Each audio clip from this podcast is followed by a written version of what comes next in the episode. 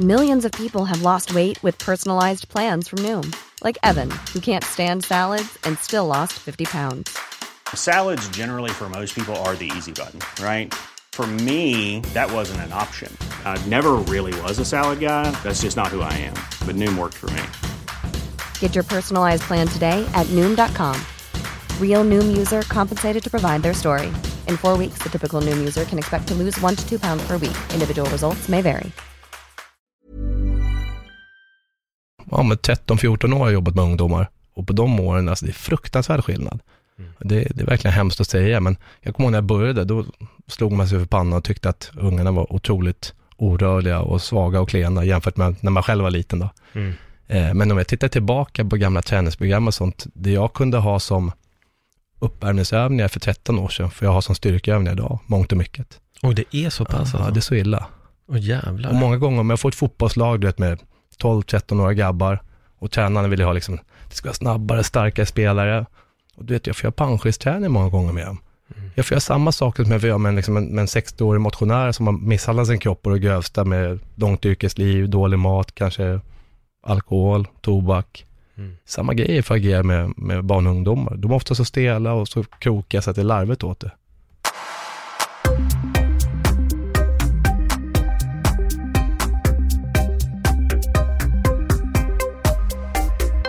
Anders Gatti, välkommen till Öppet sinne. Tack så mycket. Fan, du och jag sprang ju på varandra för ett gäng år sedan och då på den tiden var jag liksom en eh, personlig tränare och träning var livet och vi delade utbildning ihop och jag vill få det till att det var någon form av golfutbildning på Sats. På Sats, den hölls väl på din anläggning i Zenit va? Ja, Om jag exakt. inte missminner mig. Jon tror jag var du utbildade. Ja, Ja. det kan Det minns jag. Fan, och det är så kul för, för det är så intressant det här med livet, hur ens eh, vägar går åt, eh, går åt olika håll och vilka, vilket fokus man lägger i karriären. Och eh, många på den tiden, under satstiden, benämnde alltid Sats som att det är McDonalds. Man, eh, man gör sina hundår där, tar lite kunskap och erfarenheter och sen går man vidare. Och det är ju någonting som du verkligen har gjort. Ja men så var det ju. Alltså Sats var en bra grund att starta på.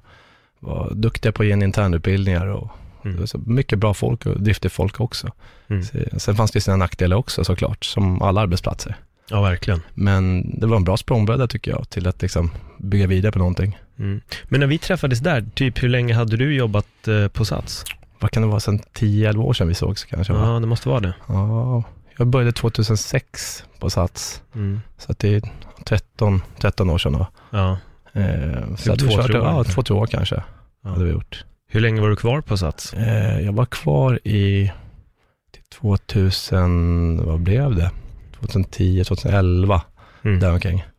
Så Okej. startade Bugatti Training Just det. Ja. och sen, ja, sen har det rullat vidare. Spännande. Vi ska definitivt komma in på hur du också startade Gatti Training. Men om vi börjar lite som, alltså från början. Hur uppkom liksom träningsintresset för dig? Vad började din eh, träningsresa, ska vi säga? Nej, men jag har alltid rört på mycket och varit eh, överenergisk människa. Idag skulle man säkert få någon så här bokstavsdiagnos, kan jag tänka mig. Men eh, träning har varit en vital del av mitt liv. Eh, organiserad träning, inte jätte, jättemycket. Eh, jag hade rätt stökigt med skilsmässobarn som så många andra, men båda mina föräldrar hade missbruksproblem.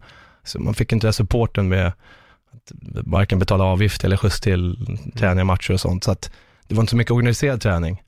Eh, tonåren, det var som mest stökigt, liksom, heppa hemma-fronten, då var det liksom att ut och springa när man hade konflikter, det var liksom mer att fly och hitta liksom någon form av energiläckage och bara tömma sig ordentligt.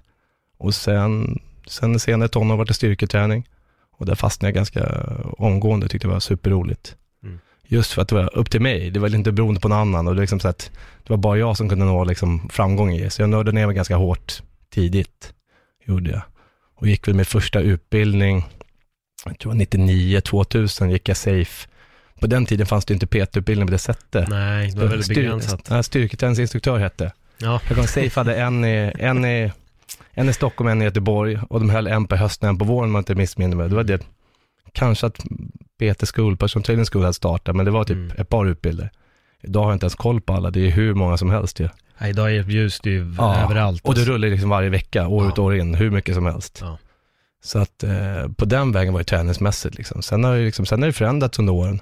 Mm. Man hade liksom visst fokus när man var 17 år och ett annat fokus när man är 42 år snart. Så att, Mm. så att det är liksom så att, men träning är en vital del av mitt liv och kommer alltid vara liksom. Fan, det låter lite intressant för du, det är väldigt likt lite min egen resa. Just när du säger det här när du hittade styrketräning så var det upp till dig. Och det är någonting som jag själv upplevde med, med styrketräning också. Det var så att jag kunde gå när jag ville. Jag var inte bunden vid en speciell tid.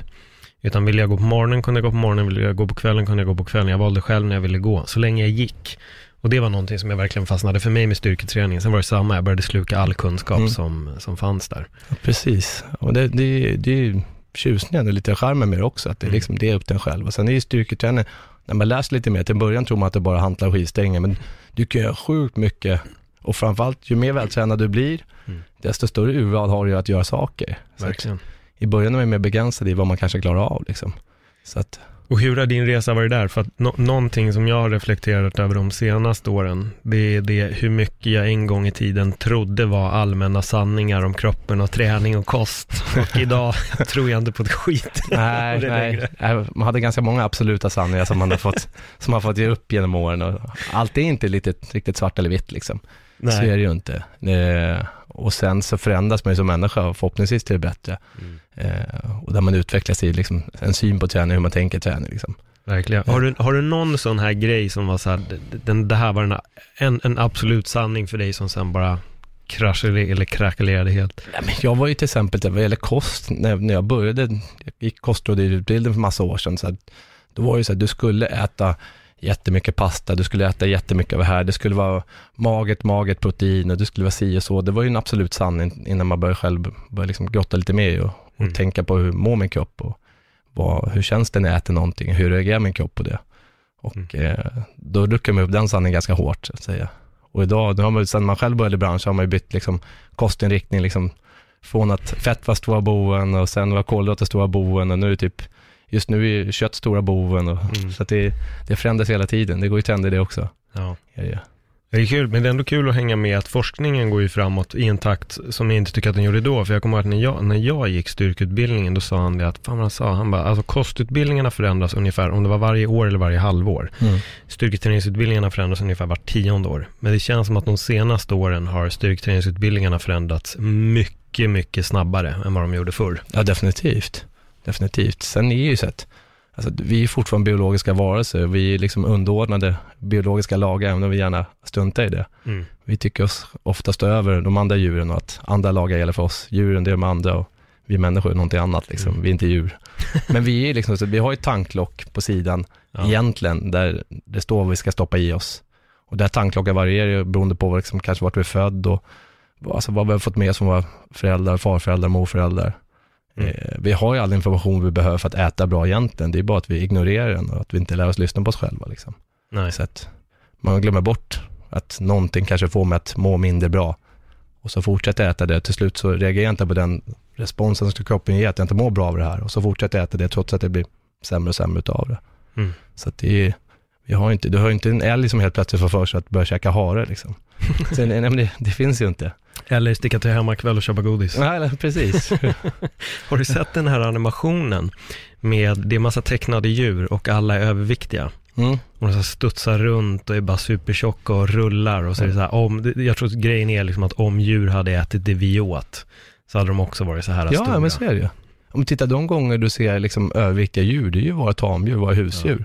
De är ganska ofta överviktiga. Mm. Jag tycker den där reklamen som snurrar, har snurrat ganska länge på, eh, som är med massa djur, som, och vikten av att djur rör sig, att barnen måste röra sig för att överleva. Och, och så är, slutar med att det, det är barn som ligger i en soffa och tittar på en padda. Mm. Och det är väl Folkhälsoinstitutet som gjort den, va? för att uppmana till mer rörelse. Ja, jag tror det. Fan, det är hemskt det där när man tänker på det. Alltså, hur det har gått i den här extremt orörliga eh, vägen. Jag kommer ihåg, höra när jag var liten, ja, när vi var yngre, då, då rörde vi oss mycket mer än vad ni gör. Och så sitter man själv där nu, fan de unga rör inte på sig alls. Fast det är, det är brutal skillnad. Jag jobbar ganska mycket med ungdomar, även på den tiden jag jobbade på Sats, och Mm. framförallt fotbollsungdomar. Och på de, ja med 13-14 år har jag jobbat med ungdomar. Och på de åren, alltså det är fruktansvärd skillnad. Mm. Det, det är verkligen hemskt att säga, men jag kommer ihåg när jag började, då slog man sig för pannan och tyckte att ungarna var otroligt orörliga och svaga och klena jämfört med när man själv var liten då. Mm.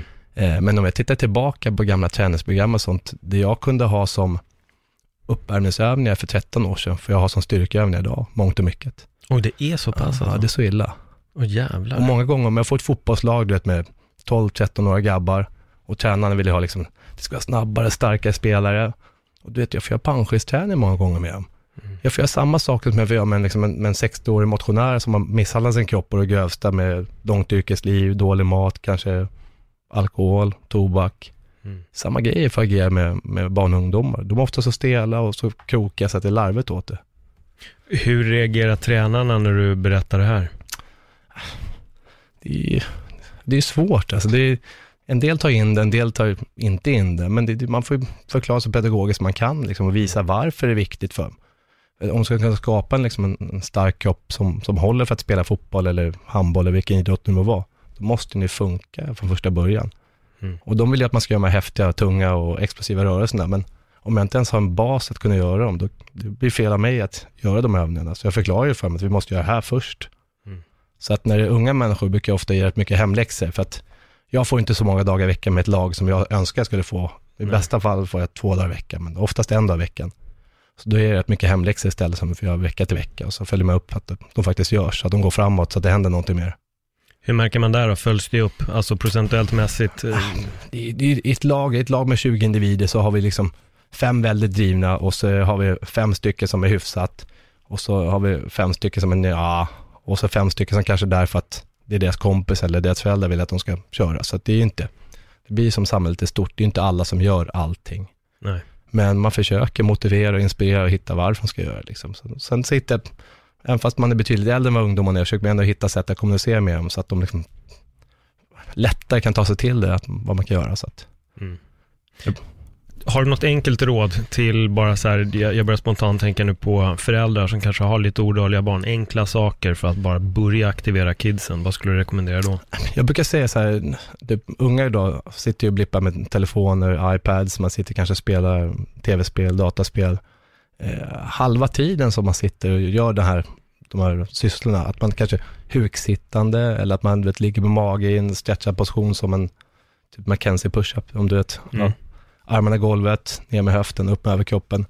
Att jag har liksom lite stretchade positioner, men även rent statiska stretchar i de här, liksom, när jag är mer liksom passiv så att säga. Om jag håller en handkontroll kan jag samtidigt stretcha ett ben liksom egentligen, om jag har någonting att stretcha emot. Så att huksittande framför allt Mm. brukar jag rekommendera. Ja. Hur mycket stretchar du och yogar och sånt själv? Nej, men jag försöker göra liksom, alltså varje dag. Alltså, jag tror på många bäckar små Mm. hela tiden. Så att många gånger, de dagar man arbetar, så är det liksom att man coachar ett antal klienter under en dag och håller lite klasser och sådär. Då försöker jag alltid göra, du vet, när jag visar en övning, säg att vi ska göra fem varv, du kanske gör två varv själv varje gång utav de övningarna, så att man bygger in det i sin arbetsdag liksom. Och på lediga dagar försöker man liksom slänga in lite, framförallt månader, Mm. brukar jag försöka göra. Hur börjar morgonen? Nej, men klockan, är, oftast ringer den inte, jag brukar vakna innan klockan ringer. Sen beror det lite på, om jag öppnar, då är det liksom så upp, göra frukost och hyfsat fort ta mig till jobbet. Nu bor vi väldigt nära, så att det tar fem minuter att ta mig till jobbet. Men eh, är det min dag att lämna barn, så då har jag tre barn att Mm. förbereda och preppa. De två äldsta går ju till skolan själva, men minstingen ska ju till dagis, så att då kan det se ut lite hur som helst. Jag har ju en struktur och en önskan hur det ska vara, men det är inte alltid flitigt som med tre grabbar på Nej. tre, åtta och tio år. Så det blir, det blir lite improvisationsartat ibland, men Mm. oftast följer det ganska tydligt mönster. När vi lagar frukost, käkar frukost tillsammans. Och, Mm. Så att det försöker hålla liksom normala familjerutiner. Men det måste ha varit ganska tufft, för jag tänkte, ni, eh, ni startade ju Gatti Training och det är ett, ett helt gym, det är, ett, det är inte bara ett koncept, utan det är ett, det är ett gym också. Precis. Eh, hur, hur gick det här tillväga? För det är inte det enklaste att eh, dra igång en sån här process. Och du nämnde också åldern på dina barn, så jag kan tänka mig att eh, alla kanske inte var födda när ni drog igång det här. Nej, nej, men det började, när jag slutade på den tiden jag slutade på Sats, så startade Get to Training som ett, som ett eget bolag bara. Eh, till en början en enskild firma och bedriva PT-verksamhet. Och där vi även höll föreläsningar och var ute hos företag och jobbade med eh, olika lagidrottare och, och hela lag och sånt då. Så att eh, mer att kunna få fria tyglar är sånt som jag inte kunde göra när jag jobbade på en, på en anläggning utan kunde göra under mina egna villkor. Så till en början då hade vi ett litet kup in gym i, i samma industriområde som vi håller till nu. Men då hade vi inte medlemsöppet utan vi tog hand om liksom klienter och små grupper och tog oss ut till andra ställen liksom. Och efter ett par år så kom min fru in på samma tåg och bytte bransch, utbildade sig till PT och så började vi jobba tillsammans. Och så jobbade vi kanske två år på det stället. Men så kände vi att vi hade vuxit ur det här lite och ville liksom nå ut till fler människor med vår syn på träning och hälsa. Och då var ju tanken liksom att öppna en anläggning. Och den tanken hade hela tiden funnits där sedan jag slutade jobba på Sats. Men eh, två barn kom emellan och så hittade inte riktigt den lokal jag ville ha. Så till slut så hittade vi den lokal vi ville ha liksom. Och då var det bara att tuta och köra. Mm. Men då väntade vi vårt tredje barn, så det var lite så här, man, man tänkte sig för både en och två gånger, men samtidigt om vi inte hade satsat då, då hade det aldrig skett. Det hade aldrig blivit av. Det kommer aldrig komma ett perfekt läge, man får ju skapa det själv liksom. Ja, nej, det stämmer bra. Och vad sa omgivningen? För jag menar, det är väl folk som också var lite kritiska till det här kan jag tänka mig. Ja, alltså det var nästan mer regler än undantag att folk liksom varnade den och det, nej men ska vi verkligen göra så här och tänk mm. på det här, hur ska ni klara ekonomiskt och och ekonomiskt, det var väl inte liksom så att vi hade det ganska bra ekonomiskt. Och man gick från att ha ganska bra ekonomiskt och inte jobba arslet av sig till att jobba arslet av sig och ha svårt att få det att gå runt liksom. Så att det, är, det är en jävla resa. Men mm. om man vill någonting mer, det kommer ju inte liksom ramla över, det kommer inte komma enkelt. I så fall skulle alla sitta med stora bolag och sitta på en, en stor läderfåtölj och vara nöjda liksom. Mm. Det är en kamp, det är, det är en ständig kamp. Och det är det jag gillar med, med din resa, för som sagt, jag stack åt ett annat håll, men det var inte heller en, en enkel resa. Men jag har trott på den. Och det är det jag liksom ser och hör med dig också, att du, du har Alltså du har haft en väldigt tydlig vision om vad du vill och du har uppnått den också. Visst är det så, men du måste tro på det du gör. Alltså, mm. Jag tror verkligen, om du tror på någonting, så spelar det ingen roll vad du håller på med, då kommer du hitta sätt att lyckas i det du gör. Bara ha mm. tillräckligt stor passion för det du gör. Eh, sen om du inte har kunskapen eller utbildningen för någonting, det, det skaffar du någonstans på vägen. Liksom. Utan det, det kommer att lösa sig om du verkligen brinner för någonting.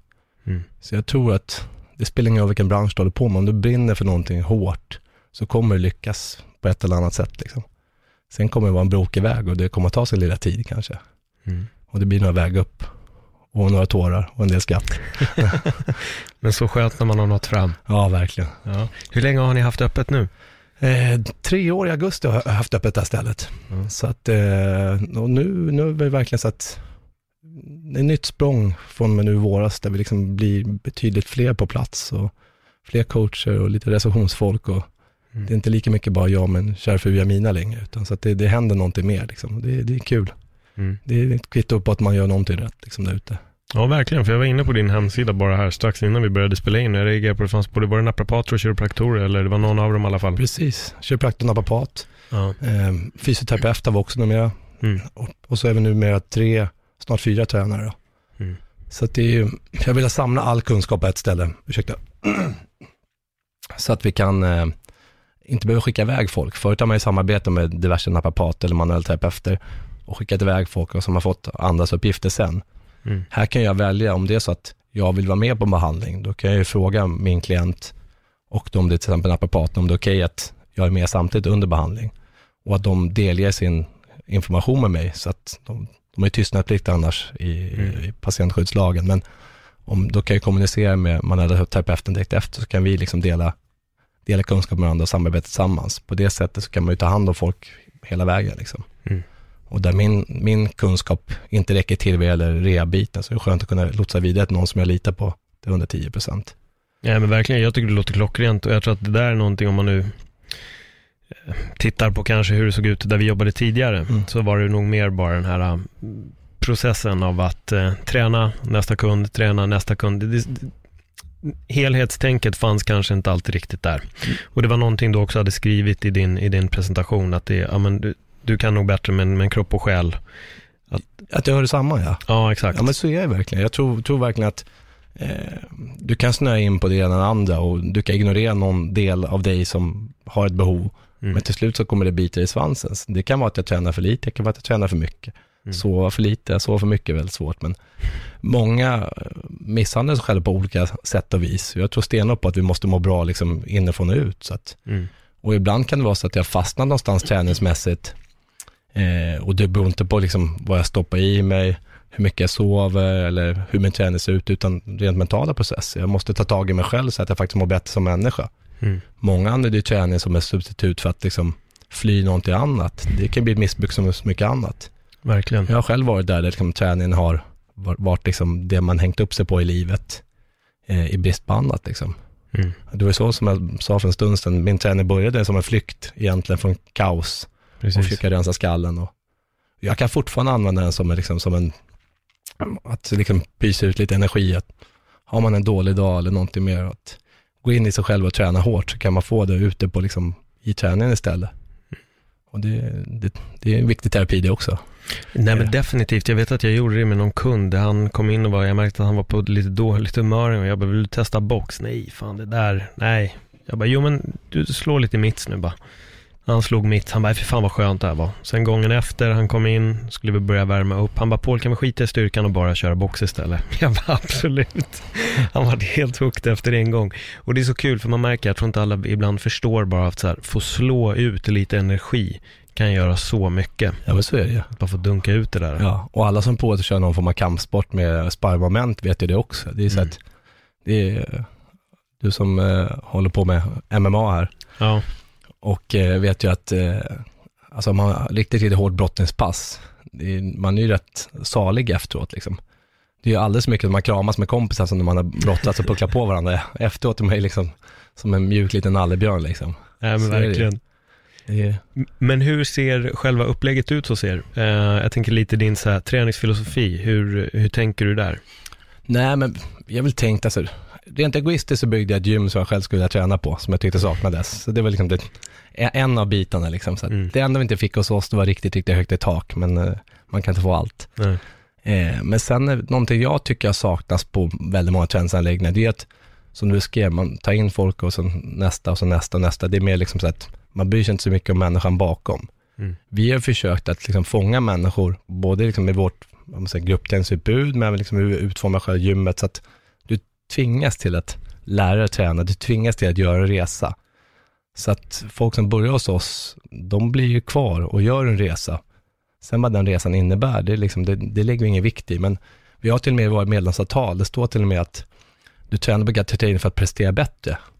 Men vi lägger ingen vikt i vad prestationen är. Vi vill att du ska vilja vara på väg någonstans nu, kommer till oss, så kommer vi ledsaga dig på vägen. Så att vi försöker hitta liksom vägar så att de lär folk att träna. Så vi jobbar kontinuerligt med att utbilda våra medlemmar. Där vi håller workshops.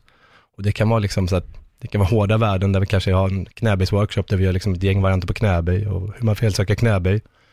Det kan vara, det kan vara en eh, mjukare workshop där vi jobbar med stresshantering eller träning efter en förlossning eller sånt. Så att, men att hela tiden vidareutbilda människor så att de liksom får någonting mer, lär sig någonting mer. Så att den dagen de slutar hos oss, vilket förhoppningsvis aldrig gör, men de har ändå lärt sig någonting de har med sig resten av livet. Mm. Så man liksom kommer någonstans. För att du känner säkert igen från förr, alltså så många människor som går år ut och år in, de kommer ingenstans, de lär sig ingenting, de gör övningar utan att veta varför de gör dem. Eh, de har ett repetitionsband eller liksom gör så här många sätt utan att veta varför de gör det Mm. och har ingen plan för vad de ska. Och trots att man kanske lägger ner liksom x antal år så händer alldeles mycket, jag lär mig inte så mycket. Och jag kan inte använda min träning till någonting. Jag tycker att vi ska kunna använda träning till någonting, att kunna applicera i andra sammanhang också. Mm. Och att jag efter en års träning, du ska ju kunna liksom gå in i vilken miljö som helst och träna liksom. Ja. Många är ju fast i liksom i här, jag gör min maskin nummer tre som jag gör tre set med tio och så, nej men, det, men man vet inte varför. Det är för att någon har visat någon gång. Jag fick en jätterolig och, och helt rimlig fråga en gång. Det, det här var verkligen så här min första månad bara på Sats. Så var det en tjej som frågade mig, hon bara, det händer inte så mycket i min träning. Jag bara, okej. Eh, jag bara, vad gör du? Hon bara, men jag gör de här maskinerna. Jag bara, okej, vad har du för vikt? Och så visar hon. Jag bara, har du någonsin höjt vikten? Nej, men det är ingen som har sagt att jag ska höja vikten. Nej, okej. Börja höja vikten. Ja. Du kommer märka skillnad direkt. Och, och det är bara, alltså det är en sån liten sak. Hon förstod inte ens att det handlade om att höja vikten. Och det, jag vet liksom inte vem ligger det felet på. Antingen så har hon fått en jättedålig instruktion, där personen inte har sagt att börja så här, men med tiden försök såklart att gå upp. Jag tycker väl att den enklaste grejen att säga att börja med 12, när 12 stycken blir för lätt, höj vikten. Sen när du inte orkat hålla på den, höj igen. Det är i alla fall ett sätt att någonting ska hända, hända i träningen om du nu bara vill göra samma sak hela tiden. Precis. Men, men vissa vet inte ens om att det, det handlar om att höja vikt. Nej, Alltså- nej, nej, men alltså progressiv överbelastning, oavsett om det beror på att höja vikt eller att springa lite snabbare, det är inte, det är inte en regel i träningsbranschen. Det många människor har liksom, förstår inte det, att ska jag nu bli konditionsstarkare så Mm. måste jag göra någonting annorlunda, någonting mer. Eh, jag vet inte hur många gånger man fått frågan, när blir träning lätt? så mi- mitt svar brukar alltid vara, när du inte vill utvecklas. Det är, träning blir aldrig lätt. Alltså, kroppen vill ju vara en lat organism egentligen. Ja. Alltså mer muskler, mindre fett om vi pratar liksom i de termerna. Det betyder ju att jag måste jaga mer och plocka mer och fiska mer för att få föda. Och det kostar mycket mer energi jag har också, så kroppen är ju lat av sin natur. Så att ska vi tvinga en till att liksom vara på topp, då måste vi hela tiden utsätta den för belastning därefter.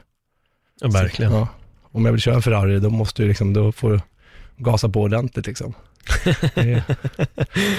Ja, bra, jag gillar den, den jämförelsen. Vil, vilka, ska vi säga, inspirationer har du haft genom din eh, sin träningsresa? Jag tänker på, ja, men kanske andra stora tränare eller inspiratörer, motivatörer. Har du några sådana som har påverkat dig i din egen lilla resa? Ja, men jag har läst väldigt mycket genom åren, men några som jag tycker påverkar mycket. Jag gillar eh, den nu bortgående Charles Poliquin, gick Mm. en del utbildning under, som jag tycker är rolig människa, mycket kontroversiellt på många sätt och vis, men Mm. eh, han var långt, långt före sin tid i väldigt mycket och titta det han skrev på, liksom på 80-talet, det är typ nu forskningen kommer ikapp det som han gjorde liksom för 30 år sedan. Eh, han har betytt väldigt mycket. Mm. finns en amerikansk tränare som heter Joe DeFranco som jag läst rätt mycket av. Men det finns många, framförallt många amerikanska tränare. Allt från Dan John, om du känner till honom. Eh, eh, fantastisk eh, amerikansk coach, 60 plus nu, för detta olympier i diskus, slägga. Skrivit ett antal böcker, väldigt filosofiska av sig. Mm. Eh, väldigt behagligt läsa hans böcker. Otroligt insiktsfull som människa faktiskt. Men det är Palquin också. Ja. Det är som att båda de två Ja. är... Nej men det finns många. Paul Check tycker jag var riktigt bra innan han flummade ut för mycket för typ tiotal år sedan, men han var riktigt bra för. Mm. Eh, men det finns, det finns många. Det finns många. Ja, Paul Check är också någon jag gillar. Han har väldigt eh, roliga citat som han eh, slänger med. Jag har, jag har slängt med några av hans citat i den här podden ett x antal gånger, men, men en av mina favoriter är den här varför skulle du kunna bänkpressa 150 kilo om du inte kan prata med din fru? Jag tycker Ja, den det- är spot on alltså. Ja, den är faktiskt riktigt bra. Och sen har vi, här i Sverige finns det ju, nere i Lilla Ronneby finns det en herre som heter Joakim Dettner, Mm. som har ett ställe som heter Stack, om du känner till det. Nej. Scandinavian Top eh, Athletic Center, Mm. som håller en utbildning som inte många känner till. Han har ett gäng utbildningar, men hans största utbildning är den som heter Stack Elittränare, där man kullar om 24 stycken varje år. Och den impact som Stack Elittränare har haft på idrotts-Sverige går inte att förminska. Idag, tittar jag till exempel i, i hockeyn, så är majoriteten av SHL-lagen, även de allsvenska lagen, eh, har en Stack Elittränare som, som fystränare. Mm. Så att, eh, men han har varit en stor inspiration och fantastisk människa som har fått äran att gå en antal utbildningar under. Vad finns det något speciellt under de här utbildningarna som han har lärt dig som du verkligen har tagit till av? Finns det någon eller några saker som du säger, fan det här var riktigt, riktigt bra från honom? Ja, men det som jag tycker är bra från Jocke, det är ju verkligen att helhetstänket hela vägen. Jag hade nog inte tänkt Mm. det liksom så långt som han har dragit det, tycker jag. Liksom. Nej. Nej. men innan jag gick stack elittränare för fem år sedan. Eh, och nej, det gjorde mig väldigt mycket. Han öppnade upp ögonen för många saker. Liksom. Så att, och utbildningen i sig var väldigt fri och, och uppmuntrade väldigt mycket till, till ytterligare läsning utöver det. Liksom. Så att väldigt mycket kurslitteratur som man hänvisar till som man tycker att man kan faktiskt förkovra sig i om man är intresserad. Mm. Eh, så den öppnade upp mycket, mycket vägar, nya ögon för mig att se på saker och ting. Mm. När du tänker helhetstänk, jag tänker lite så här kropp och själ. Eh, jag försöker hitta någonting eh, bra här, men hur, eh, hur, hur är en bra kropp och en själ? Förstår du lite hur jag tänker? Hur, hur får man ihop de två i ett? Vad behöver man tänka på? Eh, för det första så måste ju någonstans med att se till dig själv, älskar jag mig själv till exempel? Det är inte alltid så lätt att göra. Jag hade många år där jag inte älskade mig själv liksom som människa. Så att faktiskt kunna se dig själv i spegeln och se att du älskar dig själv, det, det är det första. Så, och om du nu inte tycker om dig själv som människa så måste du börja där, för att om inte du är tillfreds med dig själv, då kommer du inte kunna hjälpa så många andra i din närhet heller. Det kommer att bli svårt med relationer, oavsett om det är relationer som är intima eller vänrelationer eller på arbetsplatsen. Liksom. Så först att börja må bra själv, det är, liksom, det är ju första. Och sen eh, att försöka vara snäll mot människor och djur i din omgivning, försöka göra gott så mycket man kan. Liksom. Sen har ju alla människor bra och dåliga sidor. Men alltså, var snäll helt enkelt, som Bamse brukar säga. Mm, mm. Eh, och det gäller också då vad jag stoppar i mig själv. Se till att stoppa i det liksom, alltså plantor, växter och djur som har haft det bra och levt ett bra liv. Det vill säga som inte har misshandlat hårt med besprutning eller som vuxit upp under hemska förhållanden och sådana saker. Det tror jag stenhårt på liksom. Eh, och sen rör på det efter, efter förmåga. Sen Mm. beror det självklart på vad man har för preferens vad gäller träning, på vilket sätt man rör sig på. Men Homo sapiens är gjord för rörelse under en stor del av dygnet till och med egentligen. Vi är inte gjorda för att, som vi gör nu, att sitta ner en större del av dygnet, vilket de flesta gör. Så att vi behöver ju röra på oss väldigt mycket mer än vad de flesta av oss gör. Ja, det, det som skrämmer mig ibland är när folk inte ens kan ha en rak arm över huvudet. Ja, det är, det är fruktansvärt. Mm. Och idag, alltså folk är ju så otroligt stillasittande, så många klarar inte av att göra de mest enkla saker, kan inte gå ett par trappor, klarar inte av att cykla till jobbet, kan inte gå en rask promenad. Det, är- det är riktigt illa, tyvärr. Vad skrämmer dig? Ja, alltså den utvecklingen, om man säger som vi ser i västvärlden, det är framförallt det man ser på hemmaplan i Sverige. Vi, är- vi är bäst i världen på att föreningsaktiva, att vara med i idrottsorganisationer eller gå på gym och sånt, men vi är också sämst på att röra oss i vår vardag. Vi, vi rör oss ju fruktansvärt lite, liksom utöver det organiserade ofta. Och tack vare att vi rör oss så lite i övrigt, då blir också den organiserade träningen blir ofta på så låg nivå för att jag inte har någon grund att stå på. Liksom. Mm. Och det är det vi pratade om tidigare med, med barn och ungdomar, att extremt många timmar, vi pratar säkert tusentals timmar, lek som försvinner från, från ungdomsåren, från uppväxtåren som man hade förr, där man lekte burkar, man gjorde kull, man byggde kojor, man släpade bråte långt ut i skogen för att bygga en koja och liksom allt man gjorde var fysiskt i någon form. Och man hade utgångsförbud när man hade gjort något dumt. Liksom. Och idag har man ju iPad-förbud och tv-spelsförbud och iPhone-förbud. Och, Mm. och man, just den spontanleken är, ser man inte lika mycket av längre. Fast jag älskade burken när jag var liten. Ja, burken var grymt. Ja, jag tyckte det var så jävla kul. Det är så simpelt alltså. Det är så jävla simpelt. Och bäst, bäst var ju var den sista som räddade alla kompisar, så den som, den som skulle, skulle jaga för kulla en gång till. Liksom. Precis. Burken är sparkad, ett, två, tre. Ja. Nej, och det stämmer. Alltså jag ser inte heller det riktigt. Nej. Och jag bor ändå i ett liksom väldigt så här familjerikt område, men jag har aldrig sett dem leka burken alltså. Nej. Nej, men sen också idag, alltså jag som har tre barn, idag liksom när barn idag, det är inte, när man själv var liten, då, då sprang man till närmsta kompisar, sprang man till och plingade på så om någon var hemma. Om det inte redan var någon på gården. Och längre bort kanske man cyklade till liksom. Men idag, då ska liksom så att, när det ska lekas med kompisar, oftast det ska planeras och det, då ska det vara middag och det ska vara det, det var sittan och dattan och, och det är så mycket uppstyrda aktiviteter bland barn idag. Just det här spontanlekandet. Jag tror att vi vuxna lagt i oss lite för mycket liksom just det här med styra aktiviteter. Det är inget fel i sig, men, men barnen måste få leka lite också. Och plocka bort liksom, kanske liksom så här digitala underhållningen lite då och då.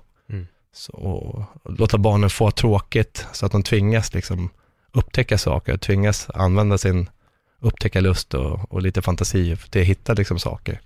Ja, det är ju skrämmande när man hör att barns koncentrationsspann har gått ner jättehårt på grund av att de håller på med iPads och får se typ så här, vad det nu är, Netflix-serie bara, den ena efter den andra. Men när vi var små, missade man en serie, då hade man missat den. Skulle man se ett andra avsnittet, då väntade man sju dagar. Det Ja, var liksom ja. regel. Och man, hade, man hade ju själv fastnat i det här om det hade funnits. Oh. Nej, självklart, det är, 100%. det är ju färdig underhållning. Det är liksom Mm. att, och det är så enkelt liksom att, att servera. Liksom, så att, Mm. Så det är, men det är, det är upp till oss föräldrar också att förändra, förändra och visa möjligheter. Vi får ju lära barnen burken Exakt. ja, och gå ut och leka med dem. Liksom. Det, Mm. det, är- där kan man börja där. Liksom.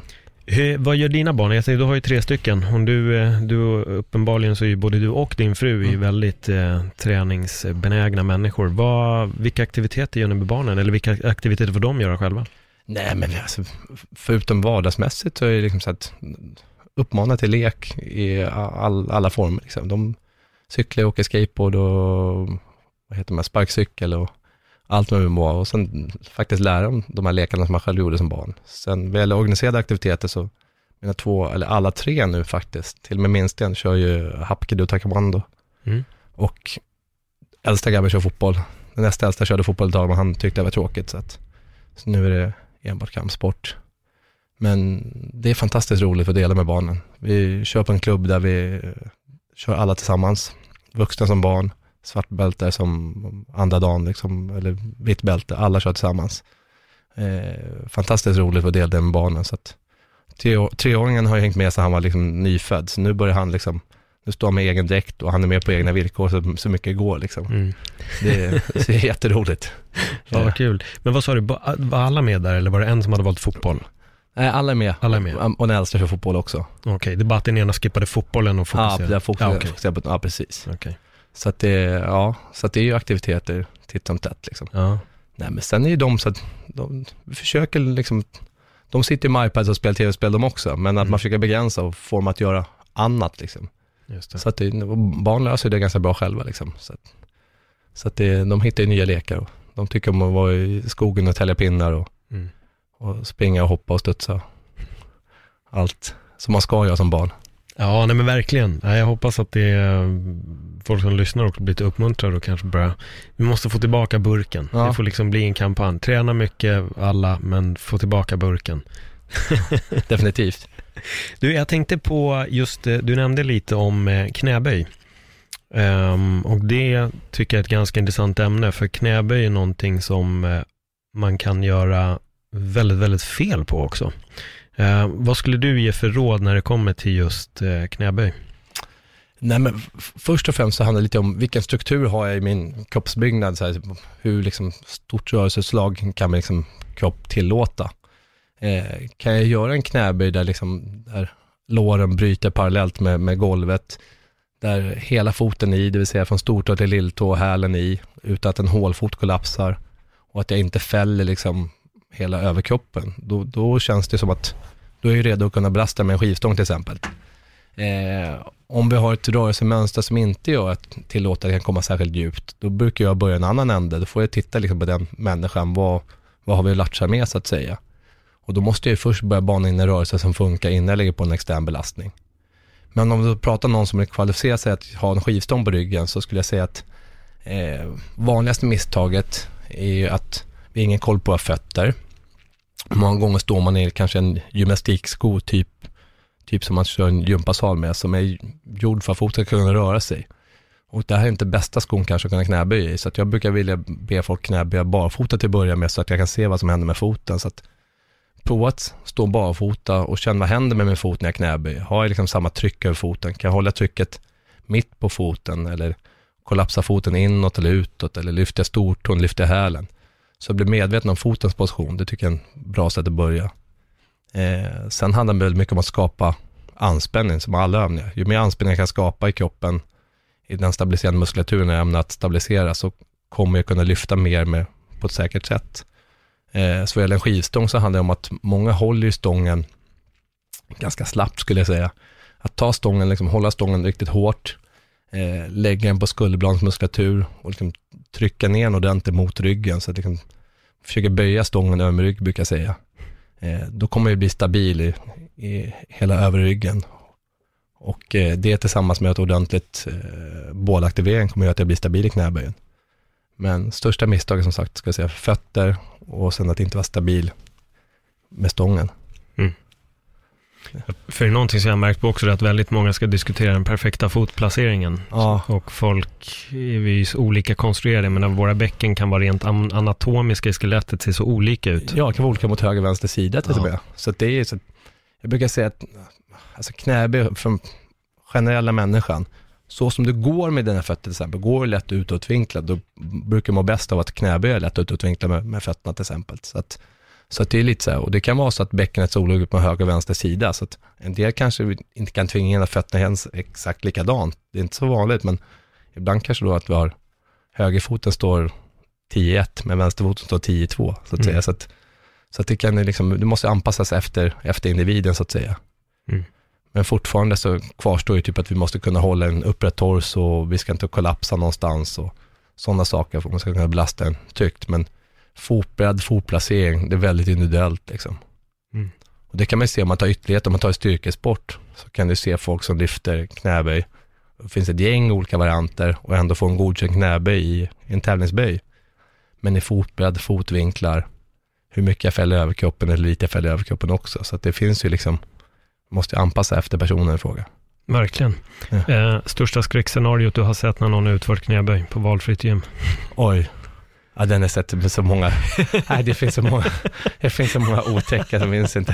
Eh, nej, men största skräckscenariot är nog så här, du har inte minnes en, en sen kväll på en anläggning jag jobbade på. Och jag skulle precis gå hem och så kommer en väldigt ung tjej i receptionen eh, och jobbade extra. Och sa att det, det, det är någon kille, det, det är något konstigt med honom. Kan inte du kolla? Han, han står och kör knäböj. Och då står det en, en kille som jag sett flera gånger på gymmet förut. Eh, och han har nog inte varit så snäll mot sig själv genom åren, tror jag inte. Eh, och han var allt annat nykter, han var väldigt påtänd. Och han står i cowboyboots och en, en, eh, en, en skinnjacka med fransar på. Med handskar och mössa och tajta jeans och står knäböjer med riktigt, riktigt dålig teknik. Och eh, ja, det var en riktig skräckhistoria. Jag, jag fick han att gå hem till slut och så han var, han var väldigt snäll och, och medgörlig ändå var han, men eh, han hade typ alla fel i boken på, på alla sätt och vis. Mm. Bara cowboyboots. Ja, för det var ju världsklass egentligen. och, och det var en klack som var typ fem centimeter på dem också. Ja. Det, Ja, shit. Jag följer den här sidan Jimfuckery på, på Instagram. mm, Där är det massa fails bara. Och det är några som är så roliga. Det är en kille som står i en ja, men smittmaskin och knäböjer. Men det blir liksom fritt fall på vikten, varav hans huvud följer bara med ner. Ba, bum, bum, bum. Så han hamnar i nästan en yogaposition där och skriker och lyckas komma ur. Och det är också den här folk som ställer sig i just en smittmaskin. Alltså, om det går fel, då är du fast. ja, men Du smitt, kommer inte därifrån. nej, nej, nej. Och smitten är ju kalas om jag nu vill liksom bodybuilda och verkligen prickskjuta muskler och ha koll på det jag gör. Då är, då är det ett vettigt alternativ. Jag tycker en skivstång kommer ge en feedback Ja. på att jag trillar åt sidan och sånt och det och, och har lite mer överföring till idrottsliga prestationer. Men absolut inget fel att köra en smitt, men, men ibland kan den vara svårare än en fristång så att säga, om man inte har koll på saker och ting som du sa. Ja, nej, verkligen. Så det Verkligen. kan ju bli lite, benpress har man ju sett lite sådana skräckexempel genom åren också, när folk har laddat Mm. upp benpressar med väldigt många mer kilo än vad man klarar av och så åker man ner och hamnar i någon form av liksom klämd historia i ett bottenläge där man sitter fast. Ja, de är läskiga. Jag har sett Ja. några också där knäna viker så åt fel håll, vilket Ja, det är inte heller... vid, är riktigt vidrigt. Fan. Eh, roligast för dig just nu att göra på gymmet? Just nu på gymmet, oj. Eh, men just nu är jag väldigt glad. Vi ska iväg och springa en så tokigt hinderbanerace i Österrike om ett par månader. Eh, och det har varit väldigt mycket konstiga pull-up-varianter med olika bollgrepp och nunchuck-grepp och sådana saker. Och pull-ups har legat mig varmt om hjärtat de sista åren, så det har varit riktigt roligt just nu att hålla på med lite varianter på det. Så att, eh, Vilka varianter kör du då? Nej men olika mixade grepp, olika, ha ett olika grepp, olika händer. Eh, att, att lyfta det mycket med greppstyrkebetonat, att du får hänga liksom i, i, hålla i klot istället för liksom en pull-up-räcka och dra. Så att det är mycket mer liksom fingerkrävande. Så att det, det är lite roliga varianter. Kör det, det var ganska mycket av den var, varan på sistone, Mm. vad gäller dragövningar. Annars är ju typ så här, alltså jag är ju gammaldags där. Alltså, marklyft är ju alltid marklyft, det är alltid liksom roligt, det är väldigt basic, enkelt liksom. Så att, så att man kommer alltid tillbaka till, till grunden liksom. Mm. Jag med. Ja, det gör man verkligen, för jag höll på mycket med street workout under en period. Men sen vart det där, man började sakna traditionella knäböj och marklyft och precis det som du säger. Och det är kul, alla basövningar är skitroliga. Ja men det är det ju. Och det, det, det är väl någonstans där, sen, sen får man ju välja basövningar efter, efter behov så att säga. Men Mm. kan jag inte göra en konventionell marklyft så kanske jag gör en trapparmarklyft eller, eller med en kettlebell eller vad det nu må vara. Men, men ändå liksom så att det finns ju rörelser som vi har gjort och som är liksom byggda efter oss människor, väldigt basala mänskliga rörelser som vi alltid kommer att komma tillbaka till. Där har vi liksom knäböjsrörelser av olika slag. Dit kan vi lägga till utfallsrörelser. Vi har marklyftsrörelser, det var liksom mer höftdominanta rörelser där vi kan lägga till alltså kettlebellsvingar, raka marklyft, sådana varianter. Sen har vi liksom pressrörelser vertikalt, vertikalt, vertikalt horisontellt, dragövningar vertikalt horisontellt. Till det kan vi lägga till lite rotation. Sen finns det inte så mycket mer. Sen kan vi variera det här i, liksom, i tusentals olika övningar, men det är ändå så att grunden är alltid grunden och det, den, den behöver vi alltid liksom komma tillbaka till att göra så att säga. Mm. Så den är ju, den får ju vara brödet, så får andra övningar vara smöret så att säga. Ja, för att vi pratar ju lite, det är roligt att du nämner just det här med lite hinderbaneövningar, obstacle course som har blivit super, super populärt. Och det är jättemånga som gör det här. Eh, Och det känns som att det har blivit också en grej som väldigt många människor som kanske inte direkt tränar sticker och gör det här också. Men om du skulle få ge några råd till en person som kanske aldrig har sprungit i en hinderbana och som ändå vill börja träna lite grann. Vad skulle fokus kunna vara inför en, en typ hinderbaneutmaning? Eh, först behöver ju liksom, löpningen behöver ju få till så att säga. Du behöver ju springa i någon form så att säga, så annars går det ju inte. Mm. Det är inte så jävla roligt att bara gå igenom en, en, en, liksom en bana. Så att löpningar behöver vi få till och har inte, vet du inte hur du kan lägga upp löpningar så, så ta hjälp av någon som vet. Liksom, så att vi kan jobba lite intervaller, lite distanser. Men sen styrketräning handlar framförallt om att dra och lyfta sig själv. Så att det är ju träna lite olika pull-up-varianter, chins-varianter. Eh, monkey bar dyker alltid upp i någon form. Eh, krypvarianter, krälvarianter funkar också väldigt bra för det kommer ofta mycket krypa kräla också. Och där kommer ju pressövningar in i sin, liksom, så att en armhävning kommer väldigt långt tid bara där och armhävningsvarianter för att bli stark liksom, i press och vara lågt med kroppen. Eh, en stark bål är viktigt också. Eh, när det kommer till övningar där jag ska klättra över plank och saker, lyfta benen högt upp så kräver jag att jag är stark i, stark i magen för att kunna lyfta benet över ett plank om man ska häva mig upp över det till exempel. Mm. Så att, ja, bål, alltså klassiska, klassiska överkroppsövningar är väldigt mycket och löpningen är väl det som är basen. Eh, sen behöver ju träna ordentlig styrketräning för benen också för att knän och höfter och fötter ska tåla mer. Liksom. Så, att, så att det är egentligen styrketräning kombinerat med löpning är det optimala. Mm. Och sen kan man gå in i grenspecifikt när man liksom börjar bli lite duktigare på den varan så att säga. Men om jag inte klarar att dra mig en gång i en chins till exempel, då kommer det bli väldigt svårt att klara några överkroppshinder. Så att jag måste ju bli starkare i den, den delen i så fall. Jag såg, jag har sett några som har fastnat i vissa av dem där när jag sprang. Ja. Jag har varit på ett, ett race som jag sprang, det andra kunde jag inte springa för jag hade problem med knät. Men eh, det första, det var ganska många som fastnade just överkroppsbitarna. Mm. Väldigt svårt att komma över. Ehm, om man vill få tag på dig, följa dig i din resa eller hitta till, till ditt gym, hur, hur gör man då? Var hittar man er? Man hittar oss på, vi heter Gatty Training på Instagram, även på Facebook. Eh, stavas som låter, G-A-T-T och engelska, engelska training. Eh, Gattytraining.se är vår hemsida. Men eh, sociala medier är väl det som är mest roligt och det händer mest liksom så att säga. Och är man sugen på att titta förbi så är det bara välkommen förbi så tar vi ett surr och ser hur vi kan hjälpa er. Grymt. Du, supertack för ett eh, jättebra samtal. Tack så mycket. Det vore kul att få, få höra om din resa och eh, träffa dig igen efter alla de här åren. Ja, detsamma tack.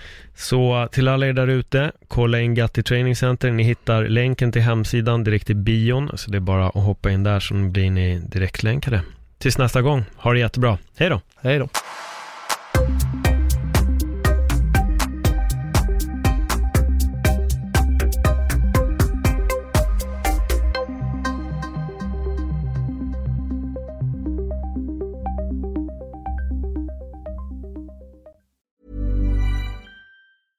Ever catch yourself eating the same flavorless dinner three days in a row? Dreaming of something better? Well, HelloFresh is your guilt-free dream come true, baby. It's me, Kiki Palmer. Let's wake up those taste buds with hot, juicy pecan-crusted chicken or garlic butter shrimp scampi. Mm. Hello Fresh. Stop dreaming of all the delicious possibilities and dig in at HelloFresh.com. Let's get this dinner party started.